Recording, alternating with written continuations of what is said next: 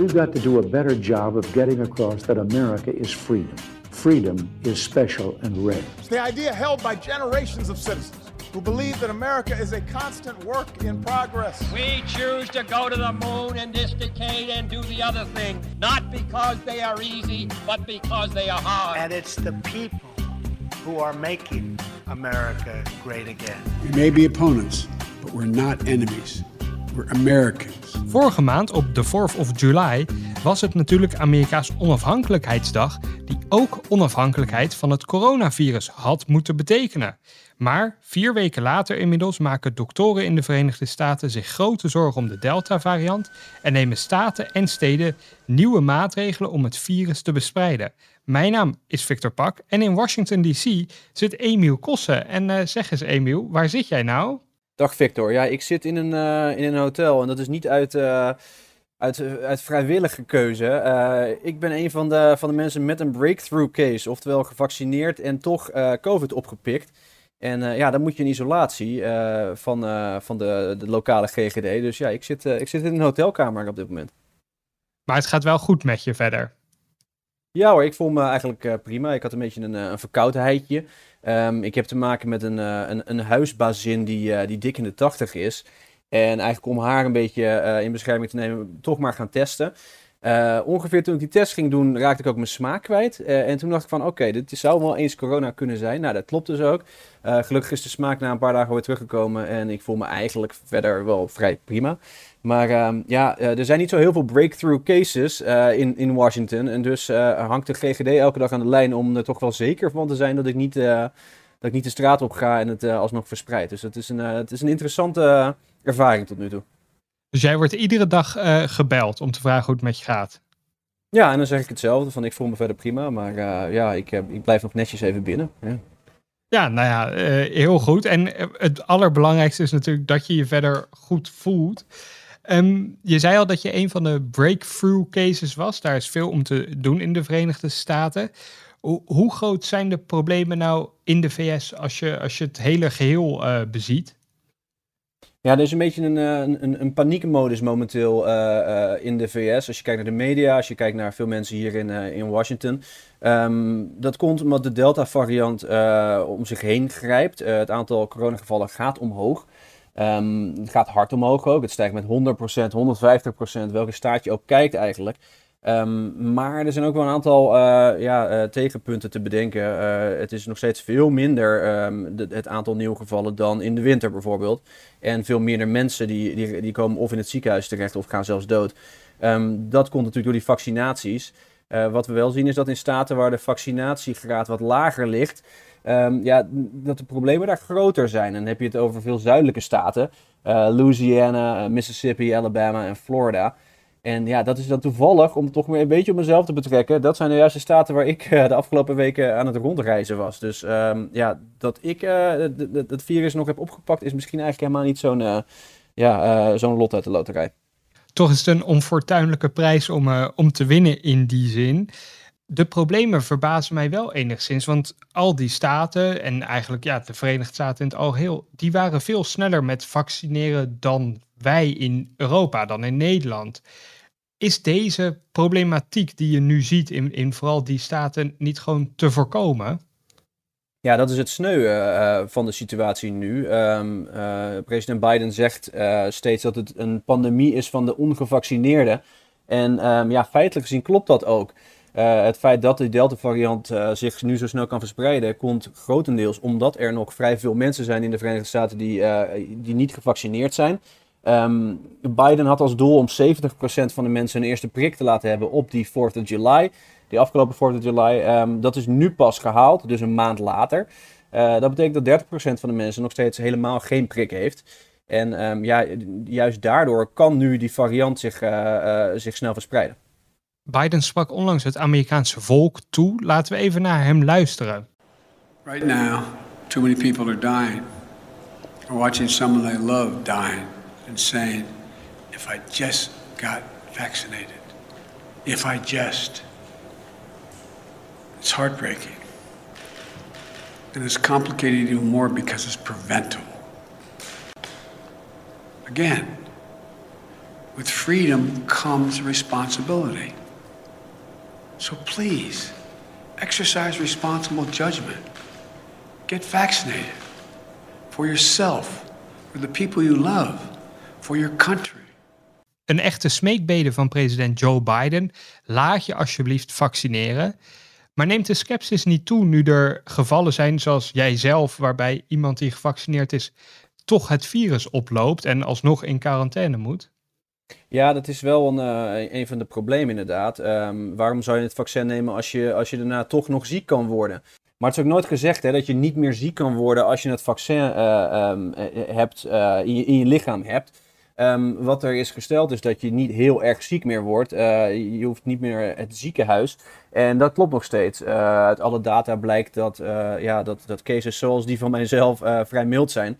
Um, en bovendien lijkt het erop dat, ja, dat het minder snel verspreid wordt als je gevaccineerd bent. Uh, nou ja, het is een anekdote, maar uh, ik heb natuurlijk iedereen geprobeerd uh, te contacteren die ik heb gezien de afgelopen tijd. En um, ja, niemand daarvan is, is ook positief. Dus wat dat betreft lijkt dat ook te kloppen. Dat scheelt dan weer. En dat de ernstigste verschijnselen van de ziekte niet meer toeslaan als je dus gevaccineerd bent. Je zei al dat jij veel in, in die zuidelijke staten hebt rondgereisd. Daar is de vaccinatiegraad wat lager. Is duidelijk te zeggen wie zich wel en niet laten vaccineren in de Verenigde Staten? er zijn een aantal scheidslijnen. Um, en er is eentje waar iedereen de hele tijd uh, de focus op legt. En dat is politiek. Um, dan komt dus een beeld naar voren dat je in zuidelijke staten, in conservatieve staten, uh, een lagere vaccinatiegraad hebt. Dat klopt ook. Dus uh, de kans uh, dat, dat iemand die op Donald Trump heeft gestemd, uh, dat hij een vaccin krijgt, een prik krijgt, is, is lager dan iemand die op Biden heeft gestemd. Dat klopt, maar het is maar één van de scheidslijnen. Um, er zijn er een hele hoop inmiddels. Um, een ras is er eentje. Zwarte Amerikanen krijgen veel minder vaak een prik. Um, in New York, in New York City, is bijvoorbeeld slechts een derde van de Afro-Amerikanen geprikt. met Latino's is ongeveer hetzelfde verhaal. Aziatische Amerikanen, die krijgen juist veel vaker um, uh, dat vaccin toegediend. Uh, die zitten op meer dan 70 procent. Um, dan is er inkomen. Uh, lagere inkomens krijgen minder vaak vaccinatie. De prik is gratis, dus eigenlijk zou geld geen, geen kwestie moeten zijn. Maar um, er is een hoop misinformatie. En het idee dat het wellicht wel geld kan kosten, kan mensen alsnog thuis houden. Uh, en dan is nog leeftijd. Uh, in eerste instantie mochten oudere mensen natuurlijk uh, als eerste de prik. En dus is het logisch dat die getallen bij ouderen hoger liggen. Maar um, ja, wat we zien in Amerika is dat jonge mensen eigenlijk niet echt dat verschil, dat gat goed maken tot nu toe. Heel veel jongeren, heel veel twintigers, die, die laten die prik nog even, even zitten. Toch is er een hoop aan gedaan om die jongeren te laten vaccineren. Ik zag allerlei wilde promotieacties voorbij komen. Bijvoorbeeld dat je een gratis uh, shotje kreeg, een shotje drank wel te slaan bij je shot van het, uh, van het vaccin. Er zijn gratis metrokaartjes uitgedeeld, loterijen opgezet onder gevaccineerden. Zelfs gratis geld is, is in her en der uitgedeeld. Zijn al die acties gewoon niet succesvol genoeg? Nou ja, goed. Uh, inmiddels is 70% uh, eh, gevaccineerd met in elk geval één prik. Uh, we weten natuurlijk niet in, in hoeverre die positieve acties wat dat betreft zin hebben. Um, wat we wel zien is dat er nu langzaamaan een, een, een, een wisseling gaande is. Dat die positieve stappen, dus dingen geven, gratis weggeven, dat die worden ingewisseld voor negatieve stappen. Um, vaccinatieplichten heb je dan dus over. Uh, meerdere bedrijven, grote bedrijven als Google, um, Facebook, de Washington Post, die verplichten hun werknemers om te vaccineren. Universiteiten doen hetzelfde. En ook de federale overheid, um, Joe Biden dus, die, uh, ja, die wil een vaccinatieplicht gaan opleggen voor zijn eigen uh, werknemers. Um, je kan het niet helemaal verplichten, dus dan is er nog een, een, soort van loophole. Als je niet wil laten vaccineren, dan moet je elke week je twee keer laten testen. Dus op die manier wordt het ja, steeds moeilijker gemaakt om je niet te vaccineren. Voor veel mensen is die, die overstap van een positieve prikkel, waar Amerikanen misschien wat meer onbekend staan, naar een, negatieve prikkel wel opvallend. Amerika is toch een beetje the land of the free. Een vaccinatieplicht lijkt nu wel een opmars te maken daar. Is het publieke debat in de Verenigde Staten ook echt aan het verschuiven naar dat er op ongevaccineerden ja, wordt neergekeken, om het maar zo te zeggen? Dus dat gevaccineerden het wel prima vinden als ongevaccineerden her en der wat obstakels in de weg wordt gelegd? Nou ja, het is natuurlijk een beetje een, uh, een tweedeling die we, die we zien ontstaan. Um, mensen die gevaccineerd zijn, die willen hun leven uh, uh, weer kunnen leven, want ja, zij zijn nou eenmaal gevaccineerd. Um, ongevaccineerde mensen, die hebben allerlei redenen. Um, er wordt vaak gedaan alsof het allemaal gekkies zijn, die denken dat vaccins chips in je, in je stoppen.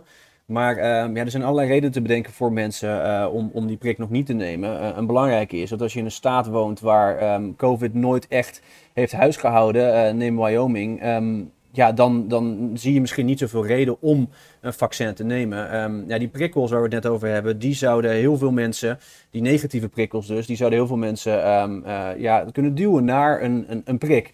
En dat is op de lange termijn waarschijnlijk uh, de oplossing om uit, uit deze situatie te komen. Um, maar ja, het klopt, er is een soort van tweedeling gaande. Hier in Washington hebben heel veel mensen het over om een derde prik te nemen, omdat het dan veiliger voelt. Uh, doktoren die zeggen: nee, nee, nee, uh, het is belangrijk. Niet, denk niet aan jezelf. Het is veel belangrijker om, uh, om de rest van de bevolking eerst te vaccineren. Um, terwijl, ja, ik, kan je, ik ben de afgelopen tijd niet in Wyoming geweest. Maar ik, het lijkt me heel logisch dat heel veel mensen daar nog steeds niet echt denken, überhaupt over dat vaccin. Omdat, wat ik zei, ja, COVID niet echt een groot ding is daar. Voor de mensen in Wyoming kan dat wel zo zijn. Alleen de strenge regels die Biden nu weer heeft opgelegd, bijvoorbeeld ook de mondkapjesplicht die weer van stal is gehaald, zelfs voor gevaccineerde mensen, die geldt dus weer voor iedereen. Dan ben je uiteindelijk toch weer een beetje terug bij af. Zo lijkt het te voelen. Nee, het voelt oneerlijk voor mensen hier die, uh, die al maanden geleden hun prik uh, hebben genomen. Uh, omdat ze dachten dat ze dan hun leven terug zouden kunnen krijgen. En nu moeten we opeens allemaal weer een, een mondkapje op.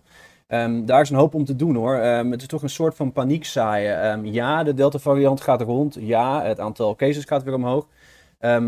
maar uh, ja, het CDC uh, die zag één, uh, één voorval in Provincetown in Connecticut. daar raakten 900 mensen besmet. driekwart van die mensen was gevaccineerd. Nou ja, dat is uh, ongeveer de headline, de nieuwskop die overal uh, rondging. Daarop uh, besloot het, het CDC om overal weer mondkapjes verplicht te stellen, ook voor gevaccineerde mensen. Maar ehm, ja, als je wat, wat, wat dieper ingaat op die episode, dan, dan zijn er toch wel vraagtekens bij te zetten. Um, we hebben het dus over Connecticut, een, een, staat waar heel veel mensen gevaccineerd zijn. En dus is, is, het statistisch gezien logisch dat als er mensen ziek worden, dat de kans groter is dat die mensen ook gevaccineerd waren. Um, en eigenlijk raakte vrijwel niemand echt ziek. Uh, de vaccins werkten dus eigenlijk, maar uh, dat onderdeel um, werd nogal uh, buiten de, de, berichtgeving gehouden. En over die snelle verspreiding daar in dat dorp. het was een festivalweek in Provincetown, in een mekka voor homoseksuelen in, in Amerika. En ja, de bars en clubs daar zaten, zaten propvol. Dus je zou kunnen zeggen dat was een ideaal moment voor COVID en niet echt een, een, uh, ja, een typerende plek. Een, een, een, plek waar veel Amerikanen in hun gewone leven komen. Toch nam het CDC dat als, als voorbeeld voor de rest van het land. En ja, moet dus iedereen nu weer met een mondkapje op als gevolg van zo'n superspreader event. De weerstand tegen dat soort grote maatregelen neemt ook toe. Er zijn staten die die mondkapjes zoveel mogelijk proberen af te schaffen, juist. En zelfs te verbieden om ze, om ze verplicht te stellen. In welke staten zie je die beweging vooral? Ja, daar zien we wel de polarisatie um, uh, die we eigenlijk al de hele uh, coronapandemie zien. Um, in, in conservatieve staten in het zuiden um, en ook deels in het westen. Uh, ja, gaat het toch meer om vrijheid? Uh, wordt COVID minder serieus genomen, nog steeds. Um, en, uh, en ja, een staat als Texas, die zegt nu, lokale overheden, die, wij gaan ze verbieden om een mondkapjesplicht op te leggen. Dat is een dubbele. De lokale overheden mogen geen mondkapjesplicht opleggen. Um, dat moet zijn, uh, ja, dat moet, moet, moet uh, lokale uh, zaken of, of, of, of, individuelen maar beslissen voor zichzelf. Um, dat gaat dus weer recht in tegen wat het CDC zegt. Die zeggen, doe nou gewoon overal binnen een mondkapjesplicht. Um, ja, nou ja, goed, er is, waarschijnlijk zijn beide, beide opties niet echt de ideale.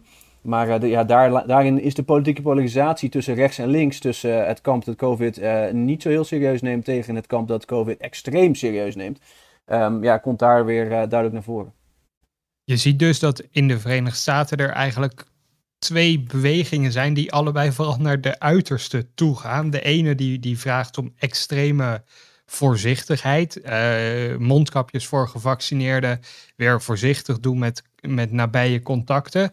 En de andere beweging is zoveel mogelijk streven naar alles loslaten. Dus, dus het verbieden van het verplichten van een mondkapje te dragen.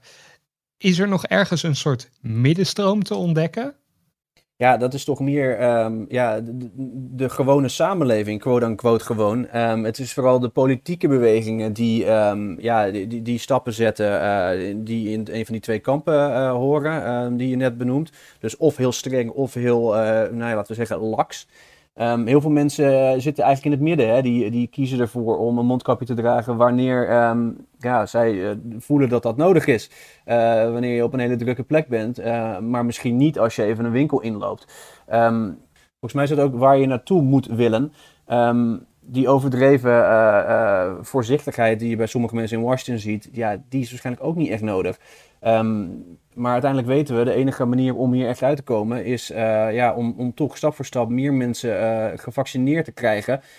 Zodat we deze politieke discussies helemaal niet meer hoeven te voeren. En verwacht je nou uiteindelijk dat dat ook gaat lukken? We zeiden net al dat er best grote verschillen zijn in wie zich laat vaccineren. Je noemde bijvoorbeeld de, de zwarte Amerikaanse bevolking, waar de vaccinatiegraad gewoon beduidend lager ligt. Um, ook bij de, bij de Latino-bevolking zij worden daar gerichte initiatieven voor opgesteld om hun ook te overtuigen die, die prik te halen?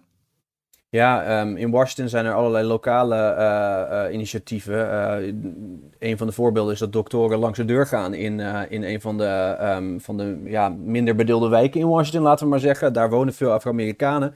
Um, ja, daar gaan ze dus echt langs de deur om, om mensen te vertellen: wij hebben hier een prik in onze, in onze rugzak. wilt, u, ja, wilt u gevaccineerd worden? Um, dat zou zomaar eens de manier kunnen zijn om, uh, uh, om een deel van de bevolking inderdaad uh, te vaccineren. Um, wat we ook zien de afgelopen tijd is dat juist die paniek waar we het over hadden, um, er wel degelijk voor zorgt dat meer mensen zich laten vaccineren. de afgelopen week zijn bijna 3 miljoen Amerikanen gevaccineerd. Nou ja, dat laten we dan maar zien, uh, laten we dan maar nemen als een, als een, een stipje goed nieuws.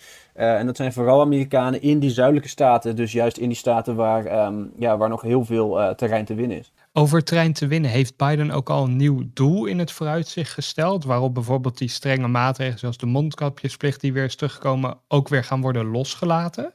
Nee, voor zover ik weet niet. Um, sinds die, uh, die 4th of July deadline, uh, die 70% vaccinatiegraad, sinds die die niet heeft gehaald, uh, horen we niet zoveel meer van, van deadlines. Um, ook wel typerend is dat toen uh, die 70% drempel daadwerkelijk werd gehaald, was er dus ook geen feestje. Um, het, werd, uh, het werd door een, uh, een CDC-official ja, op Twitter gezet en dat was het wel zo'n beetje. Um, Biden die probeert ja, even, even af te, te wachten wat er precies gaat gebeuren, want het lijkt toch een beetje op dat hij iets te vroeg heeft gejuicht. Ja, als je je huiswerk te laat inlevert, dan is dat ook niet direct reden voor een feestje, lijkt Precies. mij. Toch is zonder nieuwe doelstelling het misschien wel lastig te bepalen wanneer de maatregelen ook weer wat soepeler kunnen worden. Is dat dan de, de kramp waar Washington DC zich nu in bevindt? Dat ze te paniekerig zijn en ook geen nieuwe doelstellingen meer durven stellen? Nou, is natuurlijk wel gevaarlijk dat je niet weet wanneer zoiets als een mondkapjesplicht uh, niet meer nodig is. Hè? Want um, ja, uh, op een bepaald moment kom je op een nieuw normaal en dan uh, kan je over alles wel zeggen, ja, het is veiliger om dit te doen. Um, maar dat zou dus op een bepaald moment betekenen dat iedereen de hele tijd altijd mondkapjes op moet. Um, en dan, ja, die tweedeling in de samenleving, die, die verdwijnt dan dus niet. Ik denk niet dat je dat, dat moet willen eigenlijk. Um, het is ook niet zo eerlijk naar, uh, ja, naar de inwoners toe. Je zou eigenlijk duidelijk moeten zijn over wat, ja, wat binnenkort wel weer kan. Uh, om toch weer een positieve draai aan het verhaal te geven. En niet alleen maar ja, ongevaccineerde mensen in een hoek te zetten. Ja, en het nieuwe normaal, dat ben jij uiteindelijk toch een beetje. Je bent gevaccineerd, wel besmet geraakt, maar je hebt geen heel ernstige klachten. Heel af en toe een kuchje wat we uit deze podcast monteren. Maar voor de rest klinkt je prima, toch? Ja, en ik voel me ook goed hoor. Dus wat dat betreft, uh, dat, dat zeggen sommige, experts ook. Hè, dat uh, de meeste experts dat het virus nog wel bij ons zal blijven, ook de komende jaren. Um, maar hopelijk dat mensen steeds minder en minder ziek worden. ja, ten dele dankzij die vaccins natuurlijk.